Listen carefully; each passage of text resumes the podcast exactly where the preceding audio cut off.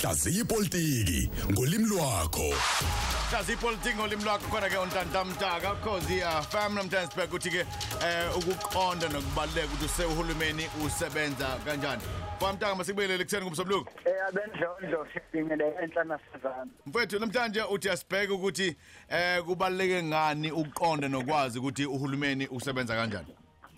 Kodwa ngaqala qala ngokusho ukuthi uhlelo namhlanje lukuhlonipha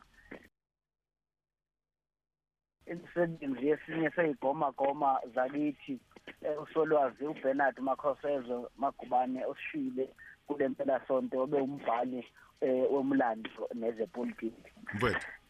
kodwa ke engikuchazayo sotobo lapha ukuthi umqoka ukuthi njengezakhamuzi sazi ukuthi uhulumeni osithethe usebenza kanjani ngoba ngokwazi ukuthi uhulumeni osithethe usebenza kanjani sizokwazi ukuthi uma sifuna imfuno ezithize kuye siqonde eminyangweni noma ezigabeni ekufanele siqonde kuzona.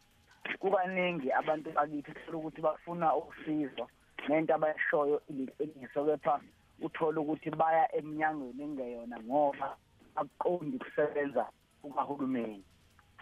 Umbuzo uza ukuthi ke usebenza kanjani uhulumeni eh, ngoba ayinakazi cha uma uya lapha kumthetho sisekelo wezwe laseningizimu Afrika ka1996 soto ema- emakhasini okugcina nje lapha eh, kwisigaba uschedule 4 ka- kanye no5 kukhona la kuchazwe khona ukuthi uhulumeni kwazwelonke iziphi izinto ayisebenzayo njengohulumeni kwazwelonke uhulumeni wesifundazwe iziphi izinto ezisebenzayo njengohulumeni wesifundazwe kanjalo nohulumeni basemakhaya ngoba uma uke wakuqonda lokho kubhaliwe konke lapha uma uke wakuqonda lokho uzokwazi ukuthi uma unenkinga nohulumeni wasemakhaya wasemakhaya ungayi kuhulumeni kazwelonke ngoba kunenkinga nohulumeni kazwelonke ungayi emakhanseni ngoba i- uzothola ukuthi awanawo amandla ngokomthetho ukulungisa lolu daba osuke lulu- luliqiniso kepha bona banawo amandla okulungisa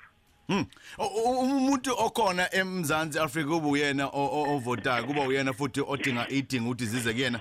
Yiziphi into ufuna iqaphele ngokusuka phansi kwekhanseleni kuze kungene kwimeya and local government kuye uhulumeni umsuka omkhulu ophezulu. Yiziphi into ufuna siyibheke ukuthi no lezi siyazazi siqonda kahle.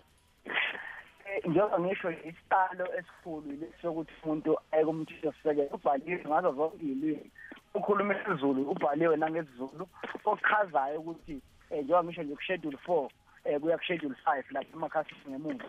Uzokwazi ukuthi ayi lokho uyofuna ekhansela ukuhlupha nje noma lokhu ikhansela linqabile ukukusiza ngalo bekuyinto okufanele kusize ngayo eh lenze iphutha ngoba uma uqale wabona lokho sotobe konke okunye kuba lula ukwazi ukuthi ukulungisa khona ezinye izinto mhla- mhlawumbe mntaka okhuluma ngazo igcina la ndaba zo-idp ukuthi abantu mabazi naso sizangenelela la sithi khona khuluma abantu aba- abayikhulumele bona eh bazazi lezi zinto. Eh umuyimi ngikhuluma naye izolo ekhuluma ukuthi ukubona ikhansela selinama-bodyguard selidriver eh ubone futhi abanye ama-local eh, mayors amanye ubone ukuthi ngabe yini le abayisabayo.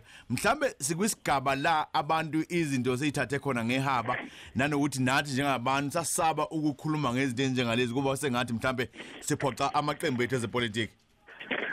Umthetho futhi uyakuvuma sotobe ukuthi ake ngisibonele ngisibonele ngokuthi abantu banama bodyguard eh unalo ilungelo njengosakhamuzi ukuyothola ama minute emhlangano wonke amakhansela akahlangana. Hmm. ilungelo lakho bakunike khona uzokwazi ukuthi ikhansela lakho lalikhona yini emhlanganweni mhla kukhuluma udaba la ngalini ngoba eh asazi ukuthi sinalo leli lungelo. Sinalo futhi nelungelo ukuthi siyo sithi kusishaya umthetho lapha kwaZulu Natal noma eGauteng noma eMpumalanga sithole ukuthi isicala umthetho sihlala nini besikhulumana sithole nama minute omhlangano. Ngesonto elizayo kwesotobo ngizongena kule nto ye-IDP ngoba khona into njengobusho nje ukuzwa abantu bethi sisayobonisana nomphakathi nge-IDP besho into asebeyiqedile. Kunomahluko phakathi kokubonisana nosubiye ukuthi aphawule okuzobhala idokodo nokuyothi nokuyotshena usubiya ngedokodo sulenzile. Ngizosho ukuthi umthetho uthini lapho famtaka ube nosuku mnansi wakho mfethu cause family nivuka mzansi bona ngumntana mntaka hlazi ipolitiki ngolimi lwakho.